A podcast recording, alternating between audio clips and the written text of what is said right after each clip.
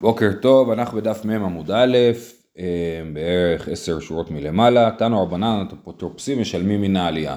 אתמול ראינו שיש מחלוקת באמת האם אפוטרופוס משלם אה, כאשר הוא לוקח אחריות על, אה, על נכסים של קטן או חירש או שוטה, אז, אז איך אפוטרופוס משלם? אז אנחנו, אז הברייתא הזאת אומרת ככה, אפוטרופסים משלמים מן העלייה, זאת אומרת אה, אם השור, אה, שור מועד נגיד הזיק, אז הם צריכים לשלם, אה, אבל, ואין משלמים כופר. אם השור הרג, שור מועד שהרג אדם, אז הדין שלו שהשור מת, השור יומת, וגם הבעלים צריך לשלם כופר. אז, אז אם יש אפוטרופוס של שור, והשור הזה הרג אדם, אז, אז האפוטרופוס לא ישלם כופר וגם היתומים לא ישלמו כופר, כן? גם הקטנים לא ישלמו כופר וגם האפוטרופוס, אף אחד לא ישלם, אוקיי? האפוטרופוסים משלמים מן העלייה ואין משלמים כופר. מן תנא כופר כפרה ויתמי לבני כפרה נינו. זאת אומרת, למה אנחנו אומרים את זה? כי כופר זה כפרה והיתומים לא בני כפרה, כן? הכופר הוא כפרה על האדם של הבעלים של השור. והיתומים הקטנים לא צריכים כפרה, הם קטנים, כן? הם, הם לא בני עונשין, אז לכן הם לא צריכים כפרה, ולכן גם האפוטרופוס לא משלם. אז מי התנא שחושב שהכופר הוא תשלום של כפרה? אמר רב חיסדא רבי ישמעאל בנו של רבי יוחנן בן ברוקי, דתניא ונתן פדיון נפשו, הפסוק השלם הוא אם כופר יושת עליו ונתן פדיון נפשו ככל אשר יושת עליו, שזה מדבר על מי שהשור שלו באמת הרג אדם. אמ, דתניא ונתן פדיון נפשו בניון נפשו של מי? דמי ניזק. רבי ישמיאל בנו של רבי יוחנן ברוק אומר דמי מזיק. כן, אז יש פה מחלוקת תנאים. האם הבעלים של השור צריך לשלם תשלום, מה הוא משלם? לפי תנא קמא הוא משלם את הכסף של הניזק, כן?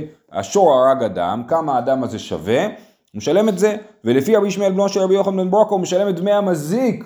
המזיק משלם את השווי של עצמו, כי זה כפרה, כן? אז אני צריך למות, אני הייתי ראוי למות, כן? ובמקום זה השור שלי ימות, ואני אשלם, כן? אז לכן, הוא אומר, צריך לשלם דמי מזיק. אז אנחנו רואים שרבי ישמעאל, בנו של רבי יוחנן בן ברוקה, תופס את התשלום הזה ככפרה, ולכן, אה, אה, ולכן הברייתא הזאת שאומרת שהאפוטרופוס לא משלם כופר, זה לשיטתו, כן? מה אליו באקא מפלגי דרבנן סברי כופר ממונו, רבי ישמעאל בנו של רבי יוחנן ברוקה סבר כופר כפרה. אומרת הגמרא, אמר רב פאפא לא, דכולי עלמא כופר כפרה. רב פאפא אומר לא, למה אתה אומר שהברייתא היא מתאימה רק לשיטת רבי ישמעאל בנו של רבי יוחנן ברוקה? היא מתאימה לכולם. אמ, וכולם אה, מסכימים שהכופר כפרה. יש להם רק מחלוקת טכנית מה משלמים, דמי הניזק או דמי המזיק. הכופר הוא בוודאי כפרה. כן? וזה גם הפשט של הפסוקים. אה, אה, דכולי עלמא כופר כפרה, ואחא באקא מפלגי, רבנן סברי בדניזק שיימינן, ורבי ישמעאל בנו של רבי יוחנן ברוקה סבר בדמזיק שיימינן. זאת אומרת, המחלוקת מה משלמים זה לא מחלוקת במהות של התשלום. המהות של התשלום היא באמת כפרה, ולכן לכולי עלמא האפוטרופוס לא משלם כופר. ורק שאלה טכנית מה משלמים, וזו שאלה של איך לומדים את הפסוקים.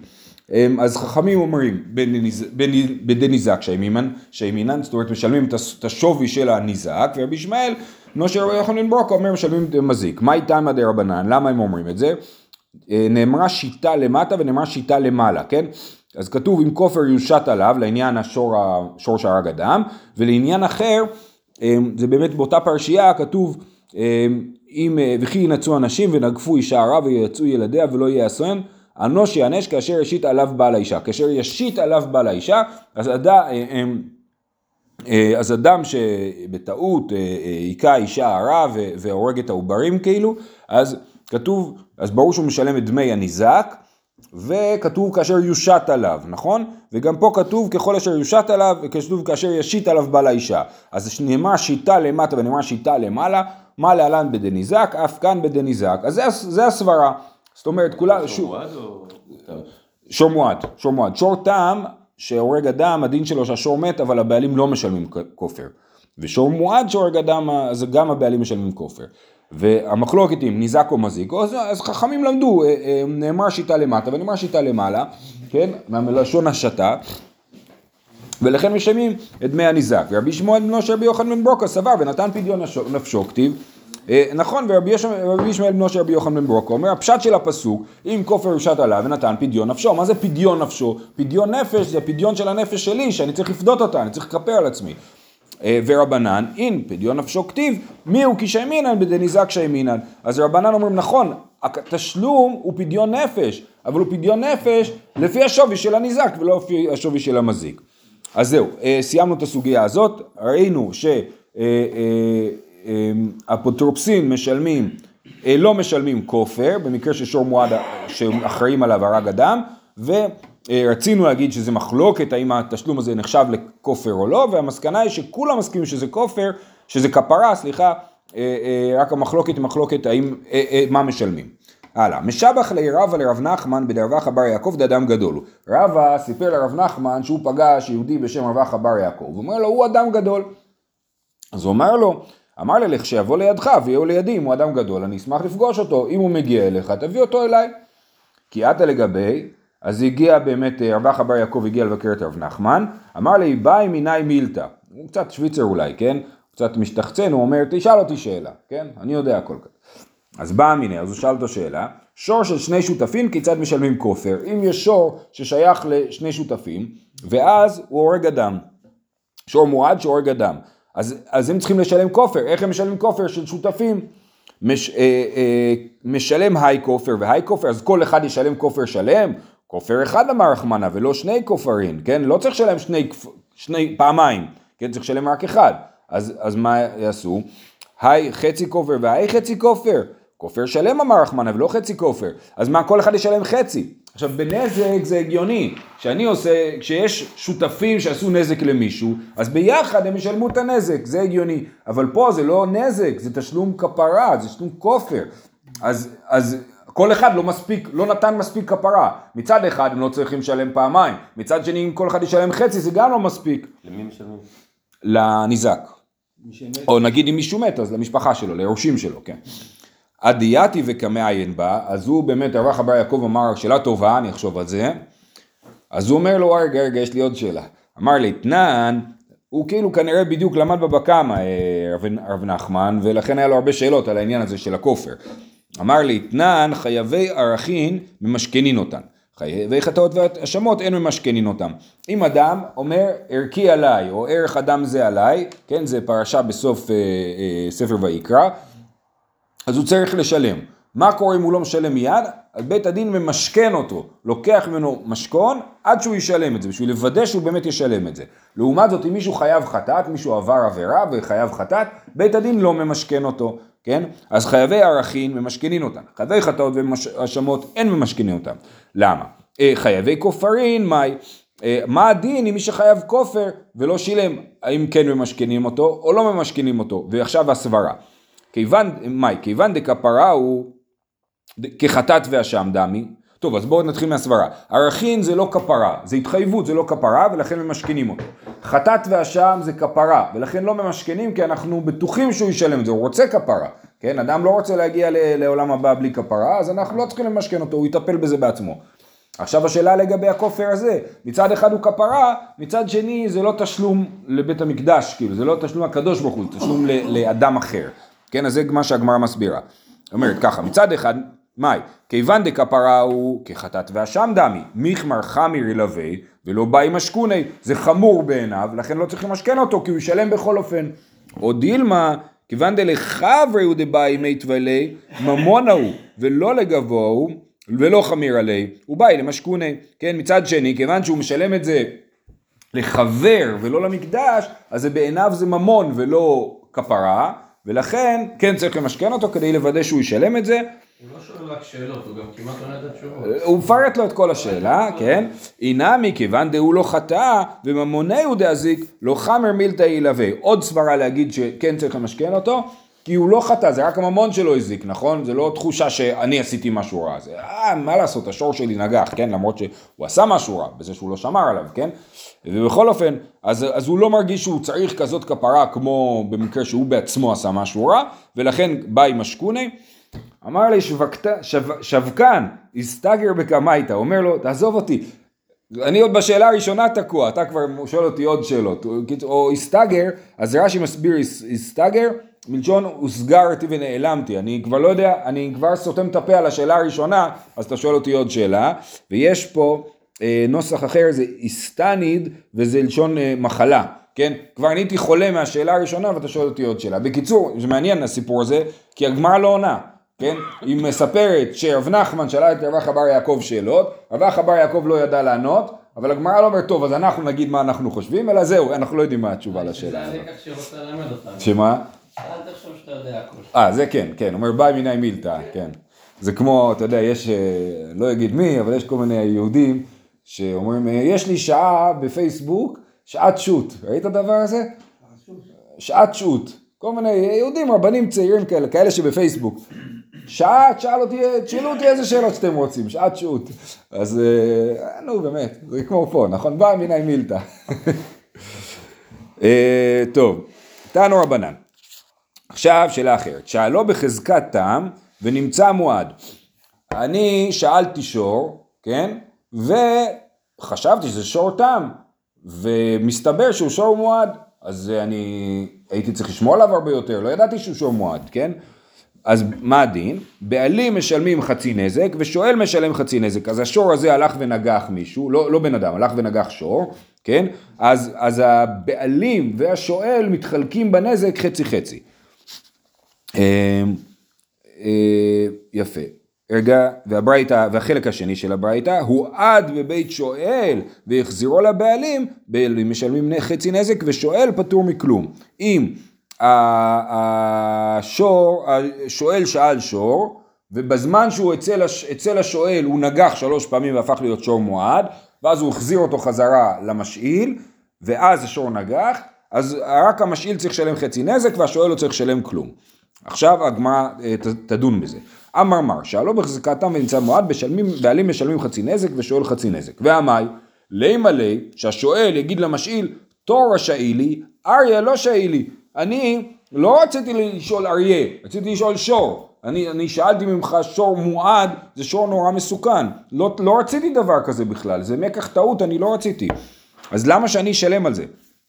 אמר רב, אחאב מעסקינן שהכיר בו שהוא נגחן. אז רב אומר, זאת טענה נכונה, באמת אם השואל לא ידע בכלל שהשור הזה נוגח, הוא פטור מתשלומים לחלוטין, כי הוא בכלל לא היה לו, ממש אה, עבדו עליו, כאילו הביאו לו אריה במקום להביא לו שור.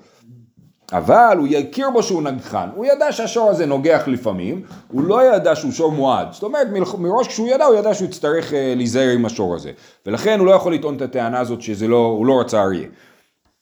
Um, אז שהכיר בו שהוא נגחן. אוקיי, ונימה לי תם שאילי מועד לא שאילי, אז אומרים טוב, זאת אותה טענה כמו שאמרתי, אני לא רציתי לשאול אריה, אז תגיד, אני לא רציתי לשאול שור מועד, רציתי לשאול שור תם. אז משום דאמר לי, סוף סוף איתם הווה פלגה נזקה בית שלומי, השתנה מזיל שלים פלגה נזקה. זאת אומרת, נכון, באמת, אתה רצית, חשבת שזה שור תם, ידעת שהוא נוגח, אבל חשבת שהוא שור תם, לכן אתה צריך לשלם חצי נזק. נכון מה אמרנו? שאם השור המושאל נגח, אז השואל חצי נזק והמשאיל חצי נזק. אז הוא אומר, אתה חשבת שזה שור תם? סבבה, תשלם חצי נזק. ונימה לי איתם אבא משתלם מגופו. אז הוא אומר לו, רגע, רגע, אבל מה הדין בשור תם? שור תם משלמים מגופו של השור. אז השואל יגיד למשאיל, שיקחו מגופו של השור, למה שאני אשלם את זה? כן? אז הוא עונה לו, משום דאמר לי, סוף סוף את לאו תור הבית שלומי לדידי? אומר לו, אתה הרי שואל. שואל חייב לשלם את כל מה שהשור הזה, אונס וגניבה ואבדה, הכל, נכון? אז אם נגיד שבית הדין יגבו מהשור, אז אתה תצטרך לשלם את זה, כן? כי אתה השואל. ולכן, הוא אומר לו, זה מה שהוא אומר לו, סוף סוף, בסופו של דבר, אם לא תשלם את הנזק לניזק, תשלם את זה לי, כי אני, אני אחזור אליך. סוף סוף את לאו תור הבית שלום לדידי. ונימה ל... אומרת הגמרא, אתה שואל, יכול להגיד למשאיל, איתם הווה מודינה או? אומר, רגע, אם הוא שור תם, אני יכול להינצל מתשלומים בדרך אחרת, להודות ולהיפטר. כי יש לנו כלל שמודה בקנס פטור. אם חצי נזק הוא תשלום שנחשב לא לתשלום של קרן, אלא לתשלום של קנס. דיברנו על זה גם בעבר, האם חצי נזק זה קנס או לא. כי בעיקרון אנחנו אומרים ככה, כל קרן, כל פעם שאני צריך לשלם קרן, זה לא נחשב לקנס, זה נחשב לתשלום. נגיד שאני גנבתי משהו, כן? אז מה אני צריך לשלם? אני צריך לשלם כפל. אז זה מורכב מקרן וכפל. אז הקרן היא תשלום ממון, והכפל הוא תשלום קנס. עכשיו חצי נזק, או שזה קנס, או שזה ממון. כי מצד אחד אני לא משלם את הקרן, אז יכול להיות שזה הנחה מהקרן, ויכול להיות שזה אה, מ-0 לחצי כאילו, כן? הדיון שהתחלנו. דיברנו איתו, כן, כן. אז, הוא אומר, אם נגיד שנזק, חצי נזק זה קנס, מה הדין בקנס? שמודה בקנס פטור. אז יכול השואל להגיד, אני מודה, באמת זה השור שלי, נגח, ואני לא צריך לשלם כלום. אז הוא אומר, אם, זה, אם, אם הוא שור טעם, ואתה, אבל הוא שור מועד, נכון? אבל אני חשבתי שהוא שור טעם. אז יגיד השואל המשאיל, אם הוא היה שור טעם, אני הייתי מודה ונפטר. אז איך אתה רוצה לחייב אותי עכשיו לשלם חצי נזק?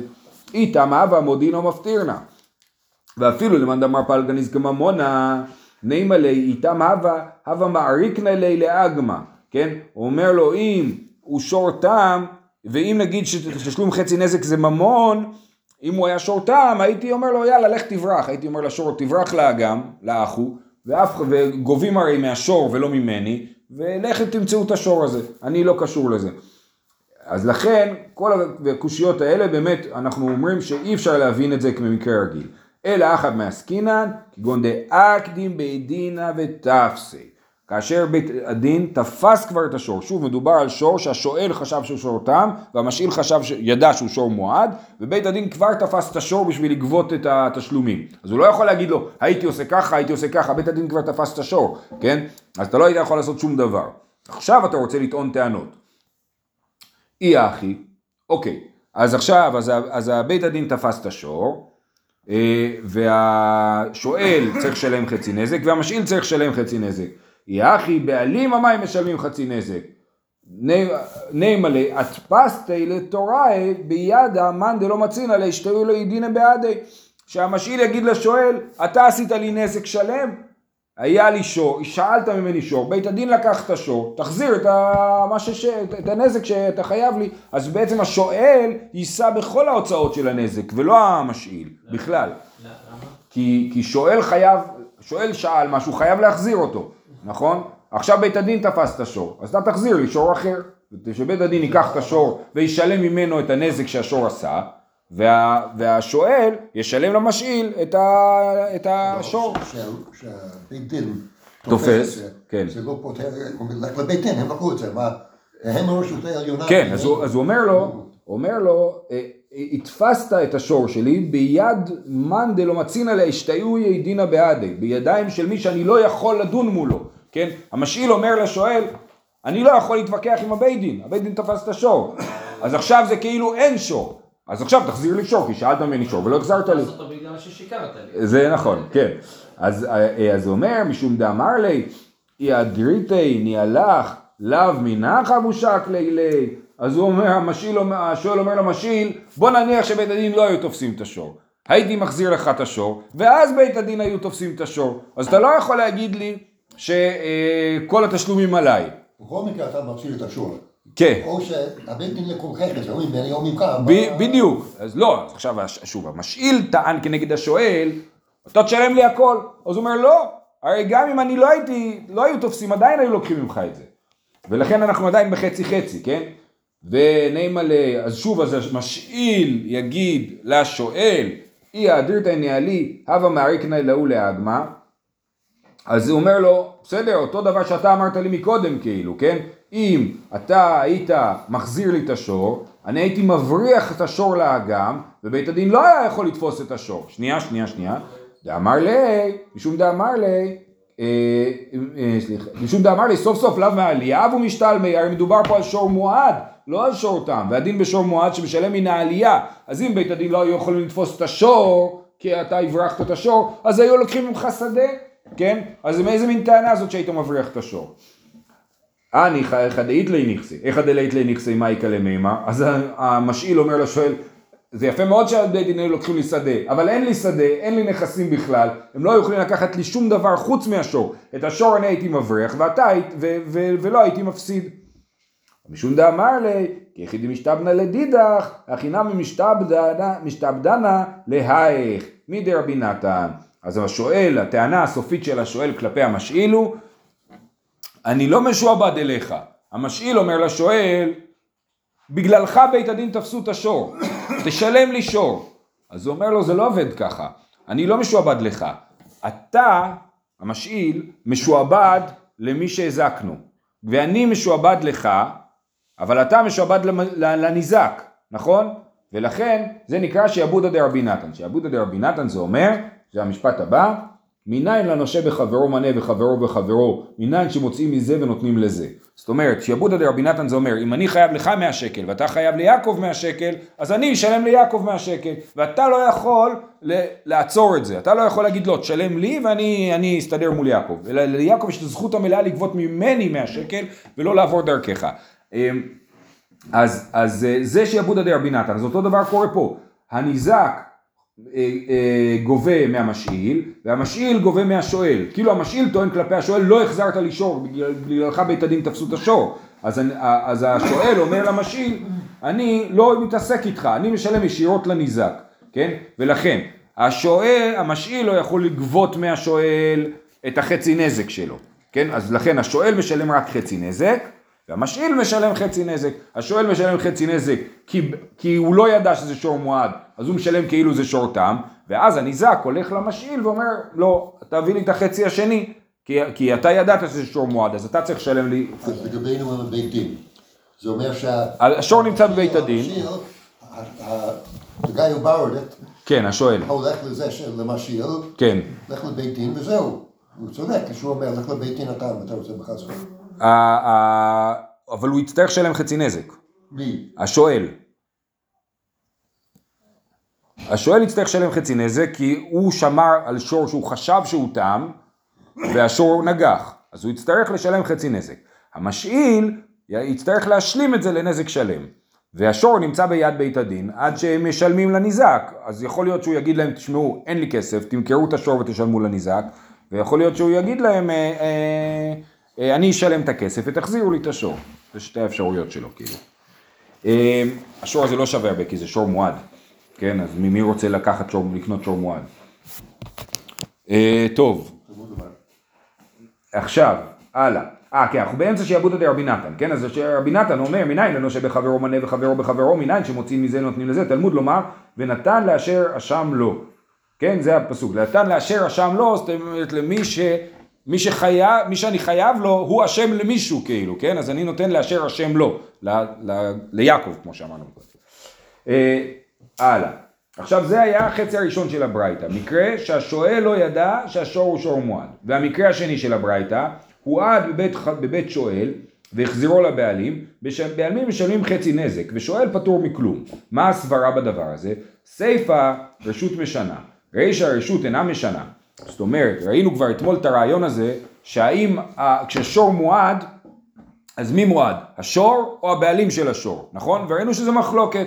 אז פה אנחנו אומרים, אם השור הוא עד בבית השואל, אז והוא חוזר לבית המשאיל, אז עכשיו הוא כבר לא שור מועד. למה? כי מי שהועד זה השואל, המשאיל לא הועד, ולכן מבחינת המשאיל, השור הוא שור תם. אז בסיפא אנחנו רואים שזה הולך לפי הבעלים, אבל ברישא מה ראינו? שזה לא הולך לפי השור, כי אמרנו שדובר שם על שואל שלא ידע שהשור הוא מועד, ועדיין הוא נחשב למועד, אז תחליט, או שאתה הולך לפי הבעלים, או שאתה הולך לפי השור. אז יש פה, יש פה, יש פה סתירה בתוך הברייתא. מה? הוא נגח לפני כן נגיחה אחת ואת השלישית אצלו, שזה לא משנה. זה לא משנה. גם את כל לא. מי שאומר שרשות משנה, הוא יגיד לכאורה שצריך את כל הנגיחות לעשות כל ברשות הנגיחות אחת. ברשות לכאורה, אבל זו שאלה מעניינת לחשוב עליה. אמ, אז באמת אומר רבי יוחנן דברה מי ששנה זו לא שנה זאת. זאת באמת קושייה חזקה מאוד, ואת הברייתא הזאת צריך להבין שיש פה בעצם מה שנקרא צשתול, כן? מישהו לקח שתי חתיכות של ברייתות וחיבר אותן ביחד, והוא לא שם לב שהן לא מתאימות אחת לשנייה, כן? אז באמת זה שתי ברייתות נפרדות, שסותרות אחת את השנייה. הראשונה הולכת לפי השיטה שרשות לא משנה, האם הוא מועד או לא מועד, והברייתא השנייה הולכת לפי השיטה שכן משנה. מה זה אומר לא שם לב? לא, לא, לא יודע אם לא שם לב. התנא, מי שהוא, אז- הזכרן, מי שזוכר את הברייתות, הוא לא בהכרח הלמדן הכי גדול. הוא יודע לזכור ברייתות. אז הוא אמר ברייתא, ו- ואז בא הלמדן ולומד את הברייתא שהזכרן אמר לו, הוא אומר, זה לא מסתדר הברייתא הזאת. אז רבי יוחנן אומר לזכרן, תקשיב, מעכשיו שאתה שונה את הברייתא הזאת, תשנה זאת בשתור שתי משניות נפרדות, שתי ברייתות נפרדות. זה רבי יוחנן. רבא אמר, מדרישא רשות אינה משנה, סיפא רשות נמי רשות אינה משנה, אז הוא אומר לא לא לא, בוא תסתכל. באמת, ברישא מה ראינו שהרשות אינה משנה, זאת אומרת שהשור נשאר מועד כשהוא עובר רשות, נכון? אז גם בסיפא זה ככה. אה, אז למה הדין היה שבסיפא הוא חוזר לבית הבעלים והופך להיות שור תם? אה, וסיפא היינו תמה, משום דאמר לי, לאו כל כמינך דמייעדת לי לתוראי. הוא כאילו אומר לשואל, לך אין את הכוח להפוך את השור שלי לשור מועד, כן? זה שבידיים שלך הוא נהיה מועד, זה לא יכול להשפיע עליי, אני אהיה משאיל. זאת אומרת, אם הייתי קונה ממישהו שור מועד, הוא היה נשאר שור מועד, כי הוא היה הבעלים שלו, הוא נהיה מועד אצל הבעלים, והוא נשאר מועד כשאני קונה אותו. אבל השואל הוא לא ממש בעלים, אז לכן אין לו את הכוח כאילו להפוך אותו לשור מועד. זאת הסברה של רבא. רב פאפה אמר ההפך, מדסייפא רשות משנה, רישא נמי רשות משנה, כמו ש... בסיפא אנחנו אומרים שרשות משנה, סימן שגם ברישא רשות משנה, אז למה אנחנו אומרים שהוא נשאר מועד כשהוא עובר ל... לידיים של השואל? בגלל רישא היינו תמה, משום דכל מקום שהולך שם בעליו עליו. זה שור שאול, הוא נשאר שור מועד כי הוא שייך לבעלים שלו, הוא רק מושאל בידיים של השואל, ולכן הוא נשאר מועד. אבל באמת, אם הוא היה עובר מיד ליד באמת, אז הוא לא היה נשאר מועד. אוקיי, אמרנו במשנה על שור האצטדין. שור האצטדין הסברנו שזה שור שמלמדים אותו לנגוח, נכון? איבאי אלוהו, מהו לגבי שור האצטדין אינו חייב מיתה, זאת אומרת שור האצטדין שנגח אדם לא נענש בעונש מוות, כי אמרנו כי ייגח ולא שיגיחו, זה לא שור שלימדו אותו לנגוח, כן? איבאי אלוהו, מהו לגבי מזבח? האם מותר שור האצטדין הזה שהרג אדם, האם מותר להקריב אותו בתור קורבן? האם אתה אומר, מצד אחד הוא, חייב הוא לא חייב מיתה, מצד שני בכל זאת הוא הרג אדם, לא ראוי להקריב אותו לגבי המזבח. איבאי אלוהו, מהו לגבי מזבח? רב אמר כשר ושמואל אמר פסול. רב אמר כשר, אנוס הוא, מה אתה רוצה? הוא אנוס, זה מה שלימדו אותו לעשות. אין לו בחירה חופשית לשור. ושמואל אמר פסול, הרי נאבד בו עבירה. שמואל אומר, נכון שהוא אנוס, אבל נעשתה, הוא כאילו חפצה של עבירה, כן? הוא, הוא נעשתה בו עבירה. ולכן הוא אה, פסול להיות קורבן. מי טבעי, מן הבהמה, כן, אז הפסוק אומר, מן הבהמה, מן הבקר ומן הצאן תקריב את קורבנכם. זה ממש בתחילת, בתחילת ויקרא. אה, מן הבהמה, אז מן הבהמה, זאת אומרת לא כל הבהמה, רק מן הבהמה. אז זה להוציא את הרובע ואת הנרבע. בהמה שרבעה אדם, או בהמה שנרבעה על ידי אדם. היא פסולה לקורבן. מן הבקר, להוציא את הנאבד. בהמה שעשו אותה עבודה זרה, הקריבו אותה, לא הקריבו אותה לעבודה זרה. היא בעצמה עבודה זרה, עבדו אותה, אז זה גם כן פסול לקורבן. מן הצאן, להוציא את המוקצה, מי שהוקצה לעבודה זרה. זאת אומרת, הוא, יש בהמה שעבדו אותה ויש בהמה שתכננו לתת אותה קורבן לעבודה זרה, אז גם זה פסול. ומן, הצ... ומן הצאן, כן, הוו הזאת, להוציא את הנוגח. אז הנה, הנוגח פסול לקורבן, אבל זה לא שור האצטדין, זה שור רגיל שנגח אדם, פסול לקורבן. מה, מה, איך אנחנו לומדים מהברייתא? אמר רבי שמעון, אם נאמר רובע, למה נאמר נוגח? זה אותו דבר, זה שור שעשה עבירה, אז למה אנחנו צריכים לפרט, ללמוד פעמיים, גם רובע וגם נוגח? ואם נאמר נוגח, למה נאמר רובע? מפני שיש ברובע שאין בנוגח, ויש בנוגח שאין ברובע. רובע עשה בו אונס כרצון, זה לא משנה, הנרבע בעיקר, כן? אם הוא נאנס או ברצון, כמובן שזה לא ברצון, אז זה בכל זאת הוא פסול לקורבן. נוגח לא עשה בו אונס כרצון, ולכן הוא שונה, ולכן היה צריך לפרט את שתיהם. נוגח משלם כופר, רובע אינו משלם את הכופר. לפיכך הוא צריך לומר רובע והוא צריך לומר נוגח. זאת הברייתא. מה לומדים ממנה? קטני מיית רובע עשה בו אונס כרצון, נוגח לא עשה בו אונס כרצון. למה הלכת עליו? לקורבן? אז הנה, אתה רואה שאנחנו לא עשינו אונס כרצון, סימן שרב צודק, שאם הוא אנוס לנגוח, הוא לא חייב. אומרת הגמרא, לא, מה הכוונה לא עשינו אונס כרצון? לקטלה, שהוא לא חייב מיתה כשהוא...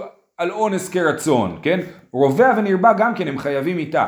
כל המקרים פה בברייתא זה קורבנות שהם אה, לא חייבים מיתה כי זה רק עד אחד מעיד את זה, כן? אם היו שני עדים על רובע, שתי עדים על נרבע, שתי עדים על נוגח, השור חייב מיתה, כן?